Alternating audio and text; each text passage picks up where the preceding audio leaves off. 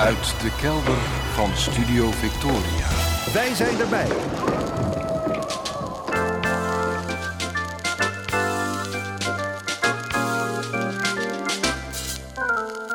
Archief Rijnmond.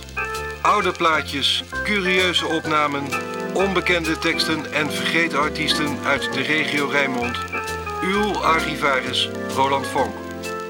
Met aflevering 1181. Goedemorgen, goedemiddag, goedenavond. Afgelopen week heb ik een beetje in de clinch gelegen met de nagedachtenis aan de Tweede Wereldoorlog. Het herdenken tijdens de twee minuten stilte op 4 mei is me weer niet helemaal gelukt. Ik geloof dat ik wel mag zeggen dat ik een bovengemiddelde belangstelling heb voor wat er allemaal in en rond de Tweede Wereldoorlog is gebeurd. In de loop der jaren heb ik er aardig wat documentaires over gekeken, verhalen over gelezen en mensen over gesproken. Ik ben ook op heel wat plekken geweest die van betekenis waren in die oorlog. Meerdere keren heb ik Westerbork aangedaan. Kamp Vught ben ik ook geweest. Het Oranje Hotel in Scheveningen. De Waalsdorper vlakte. De Grebbeberg. De plek van de aanslag op SS'er Hans Rauter. Plekken van operatie Market Garden. Diverse oorlogs- en verzetsmusea in Nederland. Inclusief Hotel de Wereld en het schooltje van de overgave in Rijsoord. Verderop in Europa ben ik in het adelaarsnest van Hitler geweest op de Obersalzberg, in het Nazi-terreurmuseum in Berlijn, bij het Holocaust-monument daar vlakbij. Met mijn vrouw heb ik Hitler horen galmen tijdens een indrukwekkende audiotour in het Olympisch Stadion van Berlijn. We hebben samen de concentratiekampen Dachau, Bergen-Belsen en Auschwitz bezocht. We zijn bij het beoogde nazi-vakantieoord op het eiland Rügen wezen kijken. We hebben de plek bij Gdansk bezocht waar de Duitse aanval op Polen in 1939 begon. We hebben restanten gezien van het Joodse ghetto in Warschau. We hebben de rechtszaal bezocht in Nuremberg van de naoorlogse processen. We zijn naar de villa van de Wanzee-conferentie gereden en ik heb op meerdere landingsstranden in Normandië gestaan, waarbij ik me een voorstelling probeerde te maken van wat geallieerde soldaten hier moeten hebben meegemaakt. En met mijn vrouw ben ik ook eens in Yad Vashem geweest in Jeruzalem, Israëls nationale holocaustmuseum. Een gebrek aan interesse in de verschrikkingen van destijds kun je me niet verwijten. Ik zie ook het belang in van allerlei tradities op 4 en 5 mei. Maar tijdens de twee minuten stilte op 4 mei, als het ware op commando denken aan de slachtoffers van de oorlog van destijds, of misschien wel ook aan slachtoffers van andere conflicten, ik vind het bijna niet te doen. Of zoiets andere mensen wel lukt, ik weet het niet. Ik wil ook niks afdoen aan de waarde van zo'n moment, maar echt bewust herdenken krijg ik nauwelijks voor mekaar. Ik vrees dat ik maar zeer ten dele controle heb over mijn gedachten. Mijn gedachten zijn, om schrijver Kees Notenboom te citeren, als een hond die gaat liggen waar hij wil. Van de week ging de herdenking zelfs bijna helemaal aan me voorbij, door drukte. Op 4 mei, afgelopen woensdag, ben ik aan het begin van de avond naar Lantarenvenster gefietst op de Kop van Zuid om daar een voorstelling op te nemen over de oorlog. Een voorstelling met Vincent Bijlo als verteller en Ellen ten Damme als vertolkster van allerlei liedjes bij een flinke big band. Onderweg op de Koolsingel zag ik de mannen van de Marinierskapel oversteken naar de stemmige herdenking op het Stadhuisplein. Daar ben ik ook wel eens bij geweest. En ook dat vind ik een mooie bijeenkomst, een waardevol ritueel. Ondanks ja, mijn gebrekkige controle over mijn gedachten tijdens twee minuten stilte. Tegen de stroom in van mensen richting het Stadhuisplein fietste ik naar een lantaarnvenster waar ik in een zo goed als verlaten zaal mijn spullen uitpakte en neerzette. Ik moest nu alleen nog even de zaaltechnicus zien te vinden om de boel aan te sluiten op zijn mengtafel. De zaaltechnicus zat boven in de artiestenfoyer te eten, zo hoorde ik. Via een paar gangen en een trap kwam ik bij de artiestenfoyer, die voorzien bleek van een glazen deur met cijferslot. Een code wist ik niet. Nou, toch maar even proberen. Ik pakte het handvat, duwde dat naar beneden en rammelde een paar keer aan de deur. Geen beweging. Toen keek ik naar binnen of ik iemand zag die even voor me kon opendoen. Vanaf een van de tafeltjes die ik nu ontwaarde, keek een man mij aan. Hij hield een vinger voor zijn mond, stond langzaam op, liep behoedzaam naar de deur en opende die voor me. Zachtjes fluisterde hij: Dodenherdenking.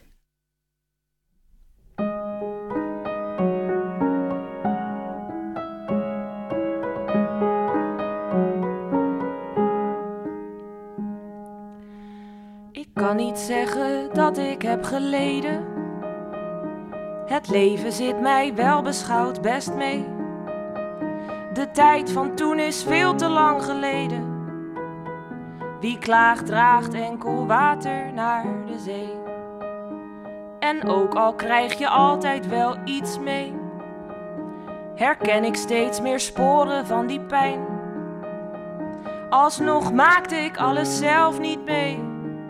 Ik zal er goddank nooit een onderdeel van zijn. Maar als ik over straat loop in een dichtbevolkte stad en zie dat iedere cultuur al daar zijn eigen winkels heeft, dan voel ik plots een stilte die mij helemaal omgeeft.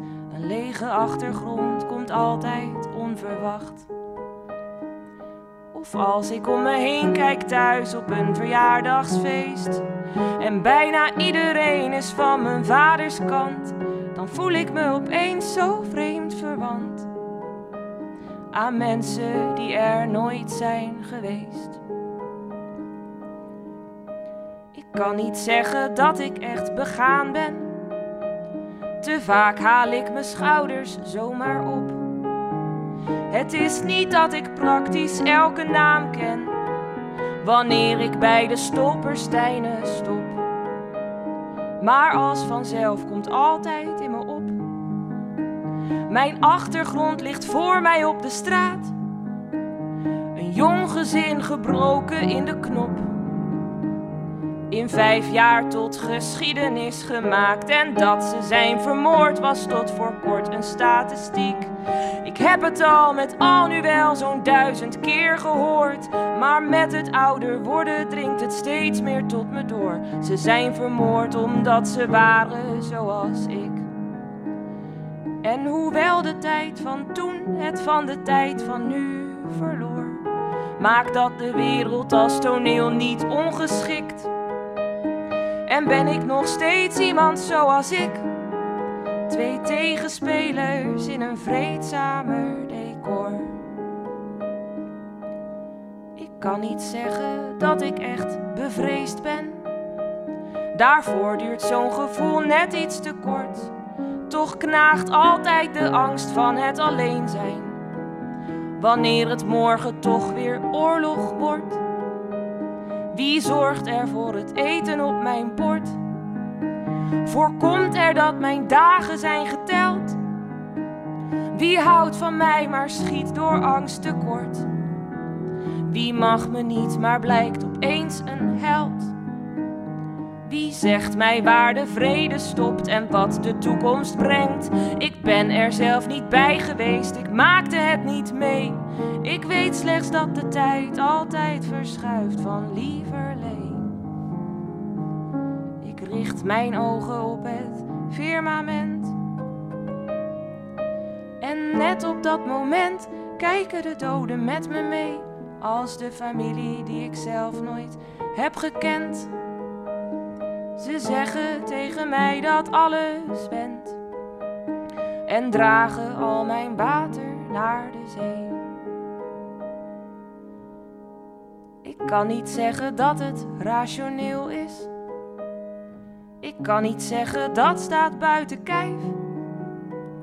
Maar als ik zeg dat ik iets essentieels mis, kan ik niet zeggen dat ik overdrijf. Kan niet zeggen dat ik overdrijf.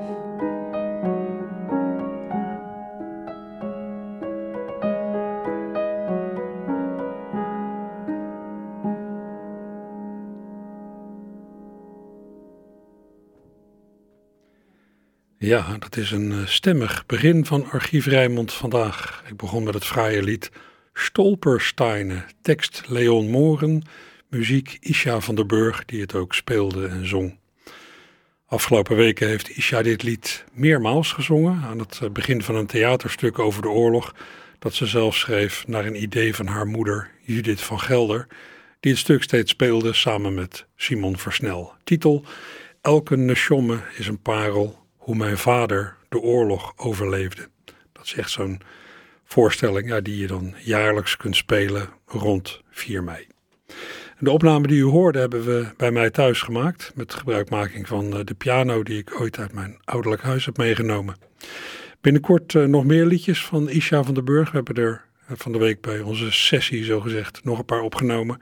En er liggen er nog wel een paar die we binnenkort gaan doen. Ja, van de week heb ik ook weer een avondje in Theater Walhalla op Katendrecht gepresenteerd. Dat was op 5 mei, bevrijdingsdag. En heel toepasselijk klonken in dat theaterprogramma meerdere liedjes over de bevrijding. Meerdere tamelijk onbekend gebleven liedjes.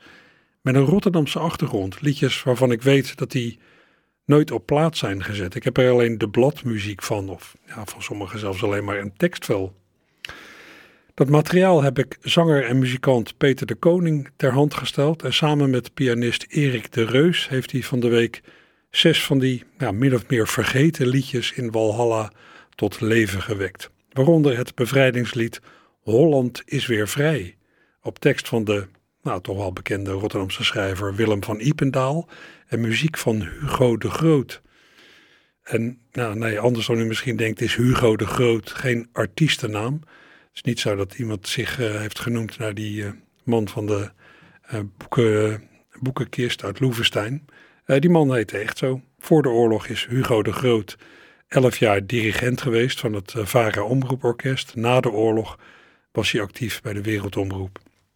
Willem van Ipendaal is dan weer wel een pseudoniem, namelijk van Rotterdammer Willem van der Kulk. Hij had zijn artiestennaam ontleend aan de straat in Rotterdam-Vreewijk waar hij woonde, het Ipendaal. Holland is weer vrij door Peter de Koning en Erik de Reus.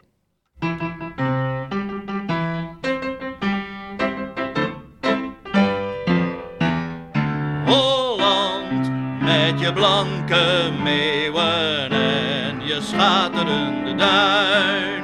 Met je Friezen en je Zeeuwen, elf provincies in één tuin.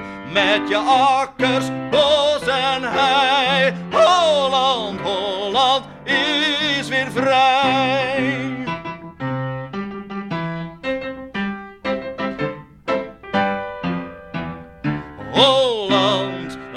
je vlag weer wuiven over water en landouw. Laat je vaste kleuren vuiven, het eigen eerlijk rood, wit, blauw leed en knechtschap zijn voorbij. Holland, Holland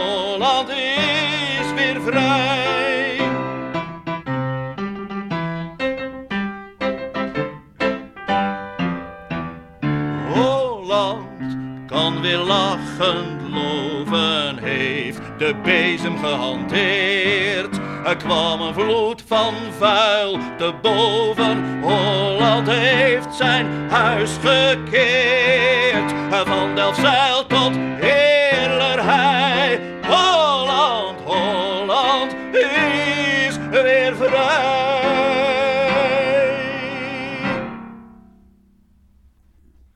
enigszins klassiek aandoend lied, geschreven door Willem van Ipendaal en Hugo de Groot hier uitgevoerd door zanger Peter de Koning en pianist Erik de Reus. Van de week hebben ze dit in Theater Walhalla uitgevoerd tijdens het derde nou ja, muziek- en verhalenavondje dat ik aan elkaar heb gepraat. De avond zelf heb ik ook opgenomen, maar dat is een beetje misgegaan. Uh, bij de op, op de, ja, op de opname zit vooral piano en voor de rest weinig. Dus ja, het is ook lastig en moeilijk. Ja, je, kan moeilijk tegelijk voor een staal staan presenteren en achter in diezelfde zaal het geluid checken. Maar ja, gelukkig had ik vooraf alle liedjes al eenvoudig opgenomen met de heren. En ja, ergens anders klonk een van de bekendste liedjes van de bevrijding laatst in een bijzondere uitvoering. U kent het lied We'll Meet Again, grote hit van Vera Lynn. Nou, Jan Rot heeft dat ooit vertaald. Zijn vertaling is laatst door Claudia de Brij gezongen in de gefilmde ode aan Jan Rot, die in de plaats kwam van zijn nou ja, geannuleerde grote afscheidsconcert in het Nieuwe Luxor. Jan Rot was ongeneeslijk ziek, u weet het. Hij zou op 24 eh, april muzikaal gesteund door allemaal vakbroeders afscheid nemen van het publiek in het nieuwe Luxor. Grote show, maar ja, in de aanloop tot die datum werd duidelijk dat hij de energie niet meer voor had. Twee dagen voor het concert stierf hij ook. Nou, in plaats van dat afgeblazen afscheidsconcert is op het tijdstip dat dat eigenlijk had zullen beginnen, een clip van ruim een half uur online gezet met daarin allemaal bevriende artiesten die een vertaling van Jan zingen. Een beetje zoals eigenlijk op die avond ook het bedoeling was. Het geheel in die, uh, in die clip begint met Claudia de Brij. Zij zingt dus op ja, die bekende melodie van We'll Meet Again, een tekst van Jan.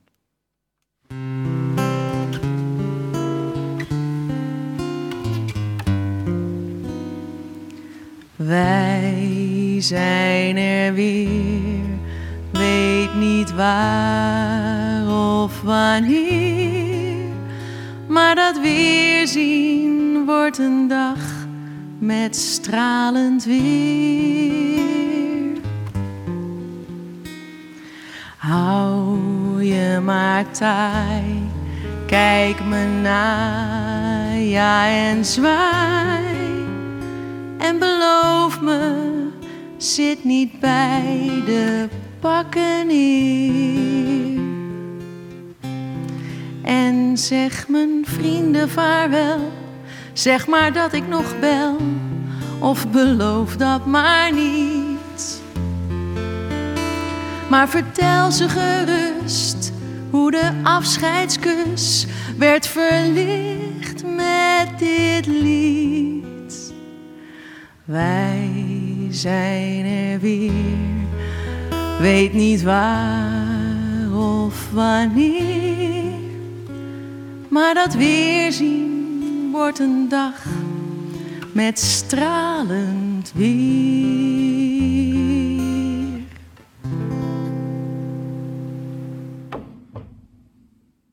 Ja, met weer zoals we vandaag hebben. Stralend weer.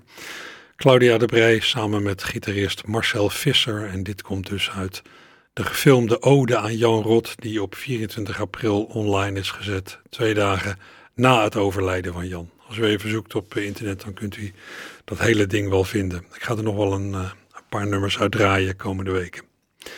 In de weekendbijlagen van het Algemeen Dagblad van gisteren staan trouwens de twee allerlaatste columns van Jan. Ja, dat zijn even krachtige als ontroerende epistels waar Jan aan heeft gewerkt tot vlak voor zijn afgesproken einde. Bij de krant wisten ze ook helemaal niet dat er nog iets aankwam. Het arriveerde twee dagen na zijn overlijden met uh, ja, met de mededeling, nou kijk maar of jullie er nog iets mee doen. Nou, ze hebben ze dus allebei geplaatst in uh, de bijlagen van gisteren. En ik moet zeggen, zeker het eind, ja, dat zijn wel indrukwekkende woorden die nog wel even blijven naklinken in de hoofden van lezers, denk ik. Ja, over dodenherdenking gesproken. Tijdens dat uh, genoemde avondje in Theater Walhalla op bevrijdingsdag van de week bracht Peter de Koning ook nog een lied waarvan ik alleen de tekst had gevonden op een liedblaadje van goedkoop papier. Een liedblaadje van nou, vermoedelijk zeer kort na de oorlog, uitgegeven door de Verenigde Winkeliers van de Nieuwe Binnenweg.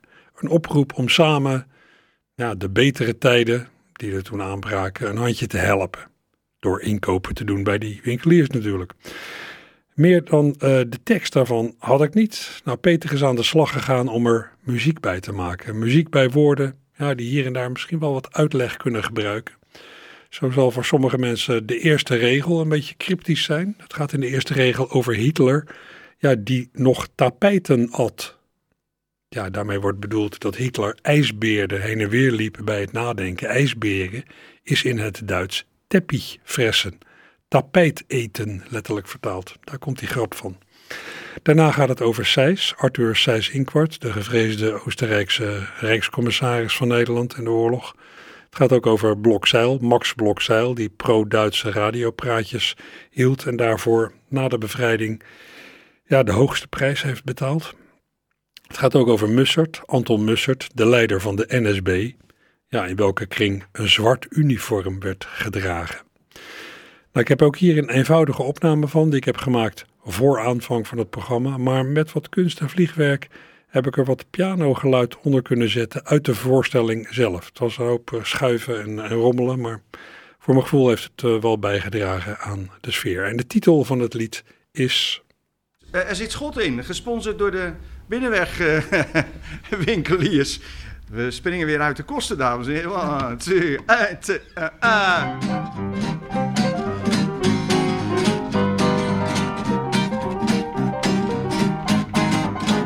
Toen Hitler nog tapijten had en Sijs was hier de baas. Toen Blokzeil voor de radio vertelde zijn relaas. Toen zag je op de binnenweg niets meer dan luiken staan.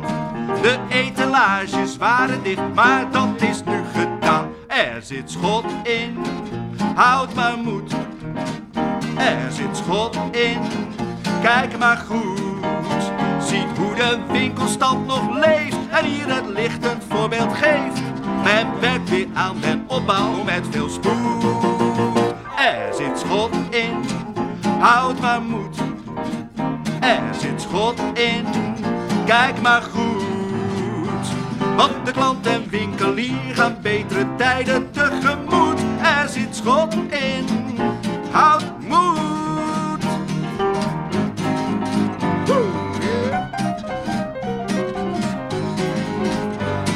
Toen Mussen hier nog leider was en de zwarte soldaat beheerste met zijn koppelriem het beeld van onze straat. Toen was het op de binnenweg des zaterdags vaak feest. Men noemde dat ook opbouw, maar die tijd is er geweest. Want er zit schot in, houd maar moed. Er zit schot in, kijk maar goed. Zie hoe de winkelstand nog leeft en hier het lichtend voorbeeld geeft. Men werkt weer aan den opbouw met veel spoed. Er zit schot in, houd maar moed. Er zit schot in, kijk maar goed. Ja, de klant en winkelier gaan betere tijden tegemoet. Er zit schot in,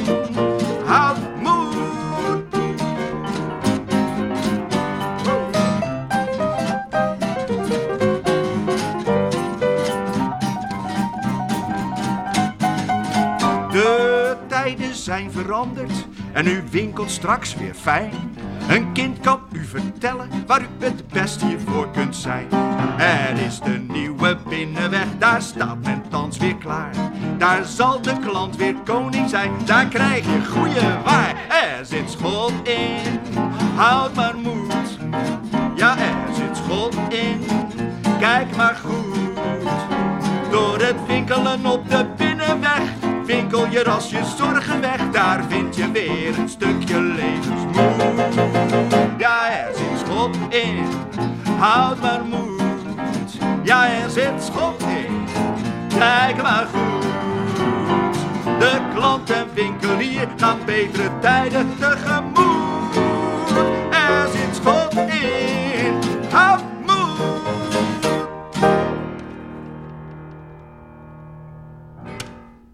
Geweldig. Zo zal het destijds niet hebben geklonken, denk ik. Zo leuk. Nou, ik had de keuze. Ik dacht van, oké, het zal vast een mars geweest zijn. Dat dacht ik toen ik de tekst zag. Ik dacht van, ja, maar we zitten, hebben al in het programma behoorlijk wat marsen. Ik denk van, maar het was ook bevrijding. Dus ja, dus je kreeg swing. Iedereen was natuurlijk dolblij dat je, dat je gewoon weer Amerikaanse muziek kon horen. Dus ik dacht van, ja, dan wordt het een soort crossover tussen de Ramblers, Eddie Christiani, Duke Ellington of zo. dus vandaar eh, mijn keuze. Ja, en dat was een geweldige keuze voor Er zit schot in. Een promotieliedje van winkeliers van de Nieuwe Binnenweg van vlak na de oorlog. Tekst dus ja, van een oud liedblaadje. Muziek van Peter de Koning, die het hier ook zong met eigen gitaarbegeleiding. En Erik de Reus hier en daar twee keer op piano. Die swingmuziek waar Peter het over had, die kon na de oorlog inderdaad weer. Maar in de oorlog heeft hij hier en daar ook wel geklonken hoor. Ook al was hij dan officieel verboden. Ik heb al eerder opnames laten horen van een feestavond van 23 juli 1944 in het Gebouw voor Kunsten en Wetenschappen in Den Haag. Een avond georganiseerd door de Haagse GTB-studio, waar ja, zowaar het swingende orkest optrad van Rotterdammer Dick Willebrands. G. Bakker van GTB Studio heeft een registratie van die avond gemaakt. Een deel daarvan is uh, wel op een historische CD beland, maar niet het laatste stuk van de avond dat ik hier laat horen. Het orkest van Dick Willebrands live op 23 juli 1944 in Den Haag. En wat uitsmijter spelen wij vanavond voor u. Veilig verkeer.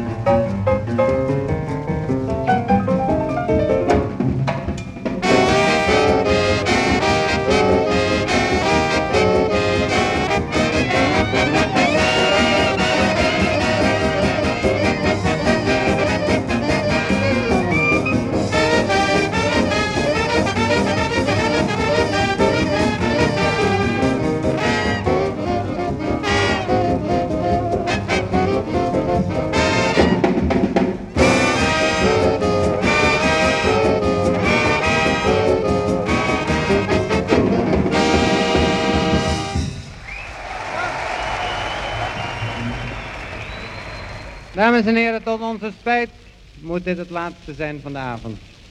Onthoud het goed als u nog eens in de kranten ziet, GTB brengt iets. Kijk dan niet verder wat eronder staat, maar kom. U bent ervan overtuigd dat het bij voorbaat goed is. Dames en heren, goedenacht, welterusten.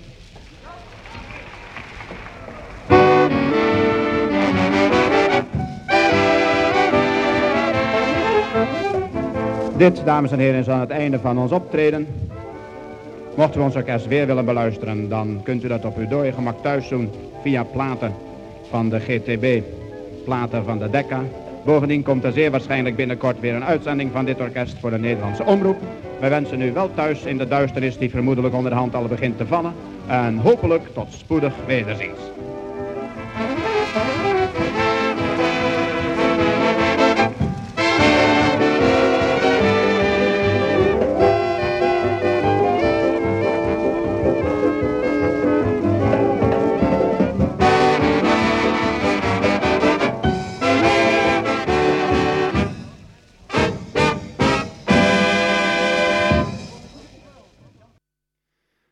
Van Rotterdammer Dick Willebrands op 23 juli 1944 in het Gebouw voor Kunsten en Wetenschappen in Den Haag. Ja, ik geloof dat een paar weken hierna alle theaters uh, gingen sluiten. Het was natuurlijk een, uh, rare tijd, eind uh, 44. Het was wel duidelijk dat de Duitsers het onderspit gingen delven, maar dat er nog wel het een en ander nodig was. En deze avond die was georganiseerd en opgenomen door de Haagse GTB-studio. Ja, fijne muziek. Al heeft de jazz sindsdien natuurlijk niet stilgestaan. Een paar maanden geleden heb ik in dit programma twee keer uitgebreid aandacht besteed aan de Rotterdamse jazz-saxofonist en conservatoriumdocent Dick de Graaf. Dick de Graaf is inmiddels 67 en afgelopen jaar vierde hij in de, ja, in de schaduw van de coronaperikelen zijn 40-jarig podiumjubileum. Dat vierde hij met een fraaie uitgave, een LP, plus een boekwerk waarin Dick zijn muzikale carrière schetst. Die feestelijke LP, getiteld Festive, moest natuurlijk ja, een keer een presentatie krijgen in Dick's eigen Rotterdam. Na een eerdere opleiding in Utrecht heeft Dick aan het conservatorium in Rotterdam gestudeerd en alweer heel lang geeft hij les aan datzelfde conservatorium in Rotterdam. Nou, die presentatie van die LP bij het 40-jarig podiumjubileum van Dick de Graaf, die zit er nu eindelijk aan te komen. Gaat gebeuren op vrijdag 20 mei in Lantaarnvenster op de Kop van Zuid. Dick speelt dan zowel tenor als altsax samen met de Engelse pianovirtuoos Barry Green, met bassist Jos Machtel en drummer Pascal Vermeer. In de aanloop daartoe vraag ik Dick de Graaf vandaag thuis in Schipbroek, voor het medium waar hij zelf nogal van houdt, de radio, naar een fenomeen dat sterk met jazz is verbonden: improviseren. Wat is dat eigenlijk? Ons gesprek is omlijst door muziek van de genoemde jubileum LP Festive.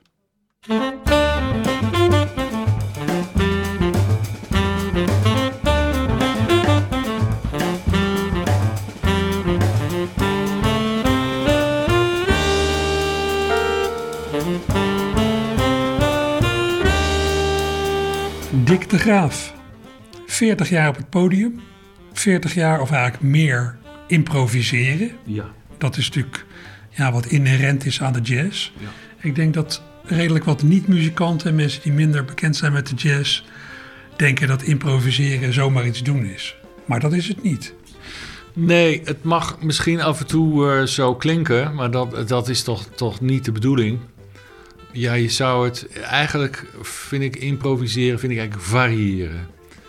Je hebt, uh, nou in, mijn geval, ik speel saxofoon, dus dat is een melodieinstrument. Hè, dus je speelt, je speelt uh, één toon tegelijk. Ja, je kan heel moeilijk doen, dan kun je er twee, hè, maar dat is een effect. Maar je, je speelt melodieën. En, en vaak neem je ook, zeker in de jazzmuziek, een bepaalde melodie ook als uitgangspunt. Dan doe je dat niet alleen. Daar zit vaak ook een akkoordinstrument bij. Dus een piano of een gitaar. En die legt daar klanken onder. Die, ja, die noem je akkoorden.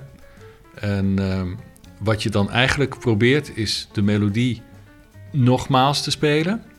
Dus je hebt een bepaalde melodie en daar zitten akkoorden onder. En het geheel wordt eigenlijk de hele tijd opnieuw gespeeld. Dus wordt herhaald. Kijk, en in de popmuziek wordt het dan precies hetzelfde herhaald, ja, vaak. Ja. Maar in de jazz duidelijk niet.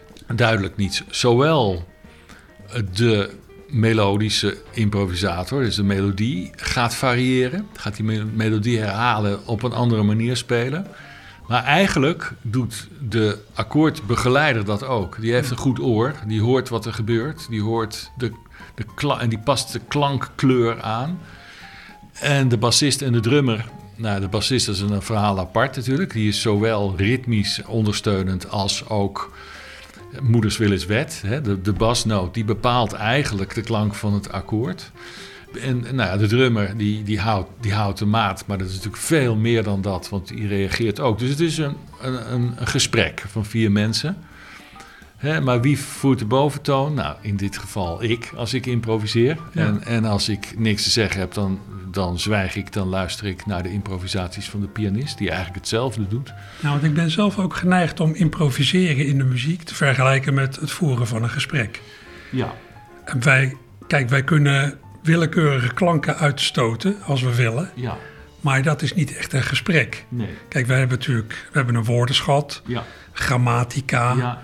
Logica. Ja. We hebben een, een, een gemeenschappelijke taal. Ja. En die gebruiken we om als het ware ja, te improviseren Ja, zeker. in een gesprek. Ja, je hebt ook een, een doel. Hè? Als je mij eh, een vraag stelt, dan, dan heb je een paar zinnen.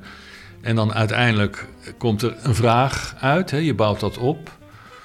En weet je wat het rare is? Dat ik, geen enkele zin die je uitspreekt, die heb je van tevoren precies zo bedacht. Nee.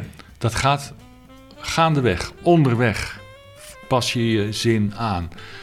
En wat er ook gebeurt is, jij knikte nu. Dus hè, jij knikt en, dan, en dan, dan hoef ik niet verder te gaan, want dan begrijpen we elkaar. Bevestiging. Dat is een bevestiging. Dat zeg ik nu ook nog eventjes. Precies, want, want de luisteraars zien ons helaas niet zitten hier. Nee, nee. En, en zo gaat het. Hè? Dus het is Maar kijk, een, mensen nemen dat als heel vanzelfsprekend aan. Dat je in een, in een gespreksvorm, in de gewone taal waar je aan gewend bent, dat je daarin improviseert. Ja. Dat je allemaal zinnen uitspreekt die je inderdaad misschien nog nooit eerder hebt Nee, uitgesproken. nee, niet letterlijk op die manier. Nee. Niet letterlijk op die manier. Dus je past aan al naar gelang eh, je eh, dat nodig is. Dat nodig denkt te hebben. Dus ik eh, zit veel in Frankrijk de- en dan probeer ik Frans te spreken. En, en, vrienden van mij zeggen van, jezus, wat spreek je goed Frans, weet je wel. Zeg, ja, moet je eens opletten. Moet je eens kijken naar hoe die, eh, die, die ene meneer daar, die daar eh, hout komt brengen. Hoe die reageert als ik hem iets vertel. Dat is namelijk, die, denkt, die man die denkt, wat, wat slaat die nou voor onzin uit, weet je. Want, want die verwacht dat ik hem eh, antwoord in het dialect wat hij spreekt. En, en ik reageer op wat ik denk dat hij wel zal zeggen. Omdat, hè, dat is veel ingewikkelder. In de, in de jazz heb je toch, is ook, net als voor ons is het de Nederlandse taal waar, waar we ons van bedienen. En in de jazz is het ook een bepaald soort taal. En die heeft, die is ook, die heeft eigenlijk een soort systeem, hè, wat jij grammatica noemt. Ja. Hè, dat, dat heeft de muziek ook. Dat zijn namelijk, eh, zou je heel kort kunnen zeggen. Misschien kun je het voordoen. Er staat Ja. hier een piano. Ja, nou, dat hebben we wel- weliswaar niet afgesproken. Oeps. Ik ga er eventjes comfortabel naast zitten. Ja. Maar misschien kun je aan de Ja, hand van een, bijvoorbeeld een- een paar akkoorden iets Ja. uitleggen. Een akkoord. Kijk, dit is een, eh, dit is een drieklank. Dit is de grondtoon. Of dit is de grondtoon. En dan kun je hier een akkoord uit opbouwen. Dan heb je een mooi, mooi jazzakkoord, hè. En dan verander je dat.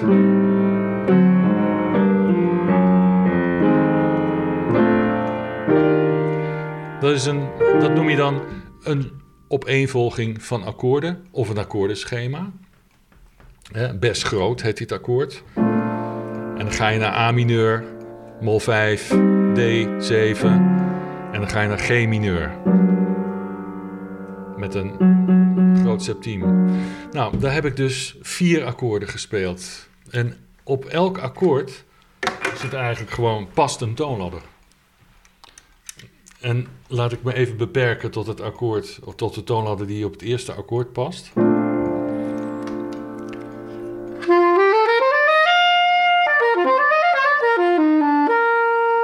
Dat is, dit, dat is deze toonladder.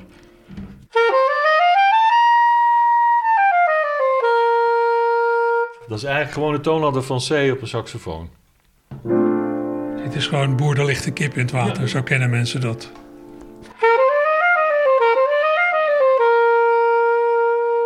Nou, dan ga ik naar dat volgende akkoord. Dat verandert een beetje.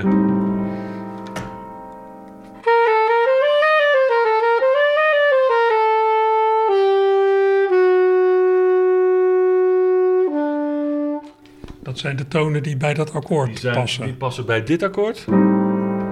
Da ba da ba di ba da da da ba da do. Beetje gemeen. Do di do do do.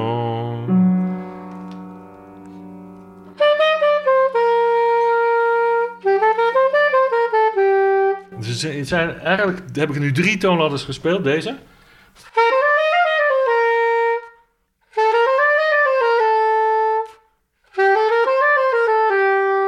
Ze lijken heel erg op elkaar, maar het zijn drie verschillende toonladders.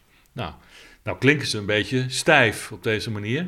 Dus ik kan ze gewoon variëren. Dan moet er een beetje ritme bij.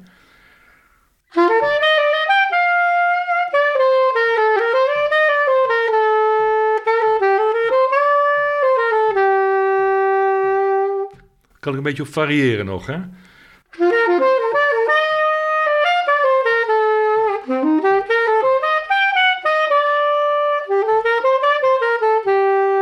ga ik al ietsje verder vanaf. Het zijn nog steeds die, zijn nog steeds die, die drie. drie toonladders die horen die- bij die drie akkoorden. Je hoort, hoor je ze nog? Ja. Of zijn ze... Nou, ga ik nog een beetje... Ga ik een stapje verder.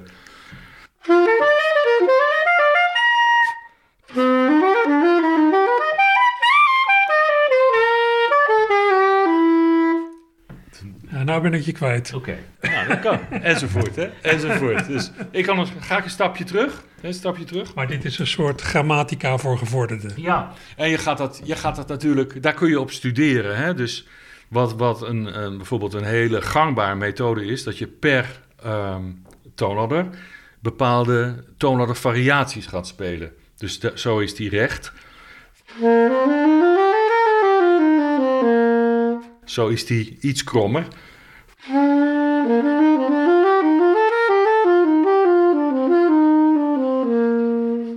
Volgende ladder.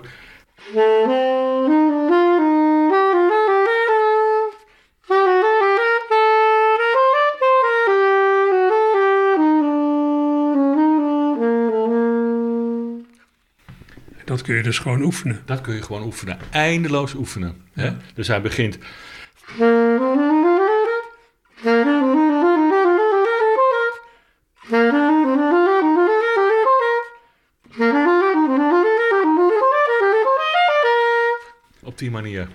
Een gegeven moment heb je ook omspelingen. Bijvoorbeeld eh, van datzelfde akkoord uit te gaan.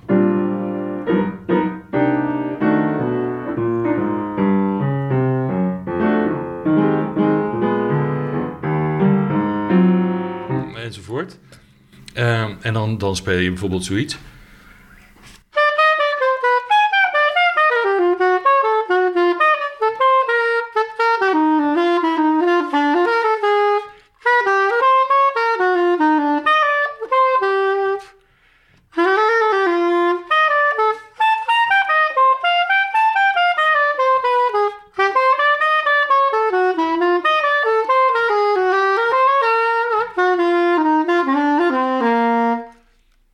Omspelingen, eigenlijk turnarounds heet dat. Maar als jij iemand anders zoiets hoort doen, dan hoor jij ook precies wat er gebeurt. Ja, ja, ja. Dat, is, eh, dus, ja, dat zijn klankkleuren. Hè, bedoel, zoals een pianist, die, die hoort ook... Je hoort onmiddellijk welke ligging het is. Hè, en hoe je een kleur nog een beetje kan veranderen.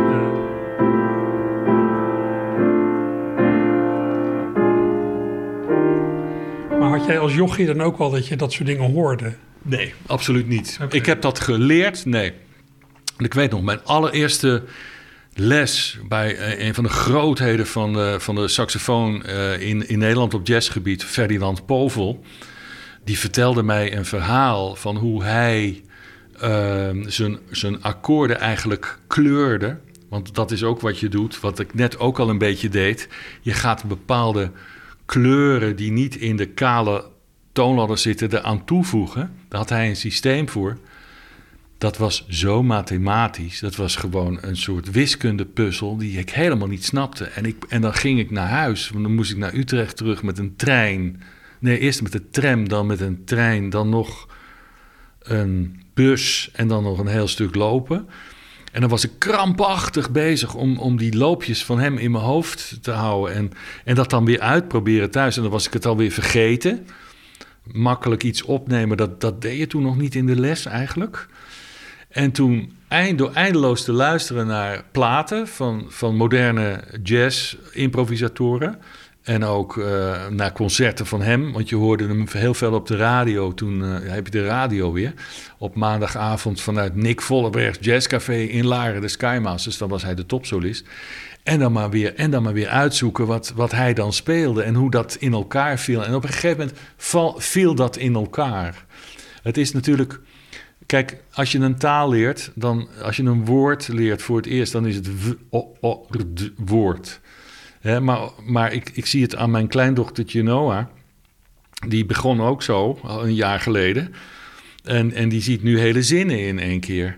En zo, zo is het, oh, zoals wij lezen, is dat precies hetzelfde. We zien ge- geen woorden, ja, in onze eigen taal. Als het weer in het Frans is, is het weer moeilijk natuurlijk. Maar gewoon in je eigen taal, je overziet woorden, je overziet halve alinea's eigenlijk als je aan het lezen bent. Hè? En zo gaat het eigenlijk in de muziek ook. Dat je, je, je hoort het niet als een ladder met een, een kleurtje, maar je hoort het gewoon boef als bes majeur plus 11 of zo. Weet je Na wel? oefening. Ja, na, na, na veel spelen en luisteren. Het is soms, het gebeurt ook wel dat je dingen gaat zitten oefenen.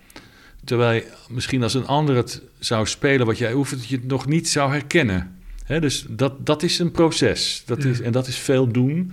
En ook goed naar jezelf luisteren als je oefent. Dat, dat is ook belangrijk. Dus in die zin kun je improviseren gewoon leren. Het is absoluut te leren. Ja, het is absoluut te leren. En, en door, door heel eenvoudig eh, eh, bijvoorbeeld een, een, een melodie te nemen eh, die, die, ja, nou, gewoon die heel bekend is. Hè?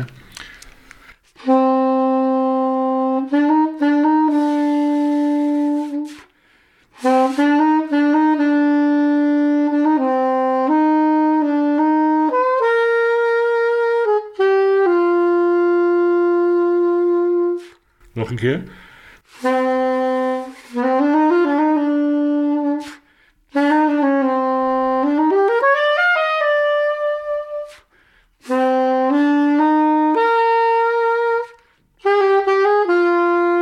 Nog ietsje verder.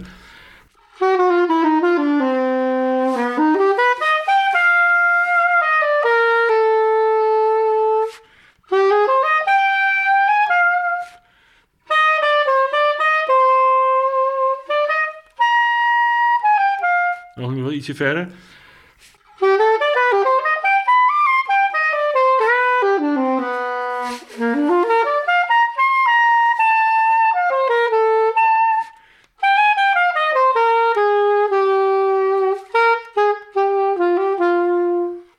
Beetje te volgen. Ron. En als je nog verder gaat, dan hoor je niet meer dat het My Funny Valentine is. Ja, ja, je kan.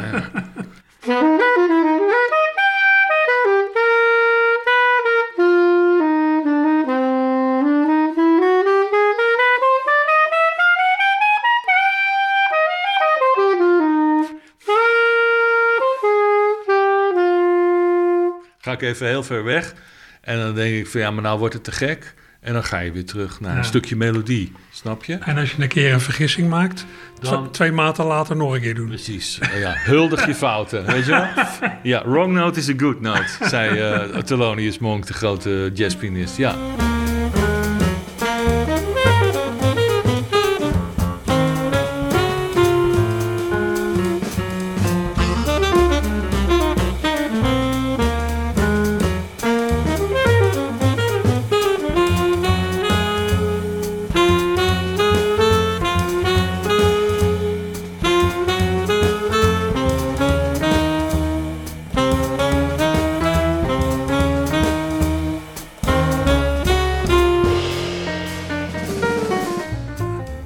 Dat improviseren terwijl je oefent benaderen als een soort wiskunde. Alle mogelijkheden verkennen. Ja. En die eh, allemaal oefenen, oefenen, Ja. oefenen. ja. Maar als je dan uiteindelijk gaat optreden of opnemen, dan moet je eigenlijk gebruik maken van die kennis iets anders doen. Ja. Nou, dat, dat, ik zou het niet duidelijker kunnen zeggen. Het, het is weg. Het, dit, dit zijn met de uitleg die ik er net bij gaf en de voorbeelden die ik bij. Dat is, dit is studeerkamer. Dit is de intimiteit van de studeerkamer waar we het nu over hebben. En die kan heel ver gaan. Maar op het moment dat jij samen met je, met je vrienden en vriendinnen eh, muziek eh, gaat maken, is dat weg. Bedoel, dat, moet, dat moet geautomatiseerd zijn. Ja. Het komt na verloop van tijd. Ik heb het eens een beetje bij mezelf nagegaan. Als je echt met iets nieuws begint, met een nieuw patroon, hè, met een nieuwe toonladdervariatie, heeft het bij mij altijd een maand of twee, drie geduurd voordat dat spontaan naar boven komt als je staat te spelen. En spontaan, dat betekent dat je denkt van, wat deed ik nou? ja. Oh ja, ah, oké, was ik, zat te denken, je hebt een huisje in Frankrijk. Ja, Jij spreekt min of meer Frans. ja, Zo'n vreemde taal, die leer je. Dan leer je woordjes Ja. en ook wel zinnen. En je Ja. oefent in conversatie. Maar dan, Ja. dan zit je in je huisje in Frankrijk. Dan komt bij wijze van spreken de kolenboer.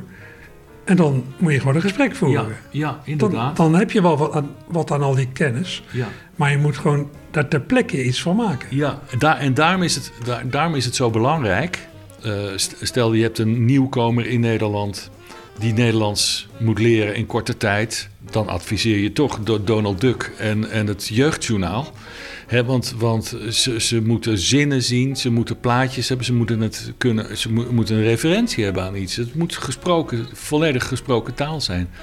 Daarom is het natuurlijk van het grootste belang om voordat je gaat improviseren en tijdens je, je, hele leerproces, want dat, dat je hele leven, om goed te blijven luisteren naar muziek, naar de muzikale voorbeelden. In mijn geval betekent dat dat het helpt als ik eh, door België naar, naar dat huisje toe rijd, dat ik al na Brussel eh, de radio op RTBF, eh, eh, dat is, België, dat is de Franstalige Belgische zender. Dan komen de klanken al een En dan, beetje... en dan kom je in de muziek van de taal. ja. Dan hoor je hoe, hoe het ritme is, eh, dat, het, dat, dat, dat, het, eh, dat de toonhoogte iets omhoog loopt aan het eind van een zin. En, en hoe, hoe dicht de woorden tegen elkaar aanzitten. En dat helpt niet zozeer voor het spreken, maar het helpt wel om, om mensen te begrijpen als je uit de auto stapt en de buurman komt eraan, dat je meteen in de, ja, in de groove zit zeg maar, van het eh, gesprek.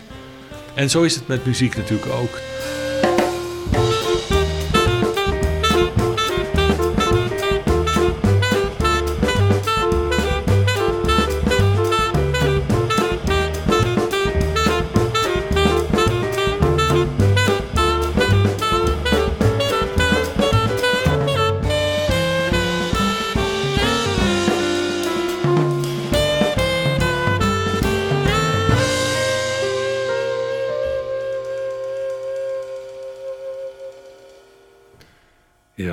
Weer muziek van de LP Festive, waarmee de Rotterdamse saxofonist Dick de Graaf zijn 40-jarig podiumjubileum luisterbijzet.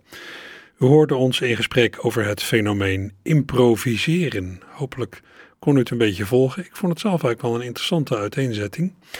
Dit was een eh, gesprek in de aanloop tot het jubileumconcert van het Dick de Graaf kwartet op vrijdag 20 mei in Lantaarnvenster in Rotterdam. Ik heb eh, nog wat aankondigingen voor vanmiddag, voor dingen waar u vanmiddag naartoe kunt.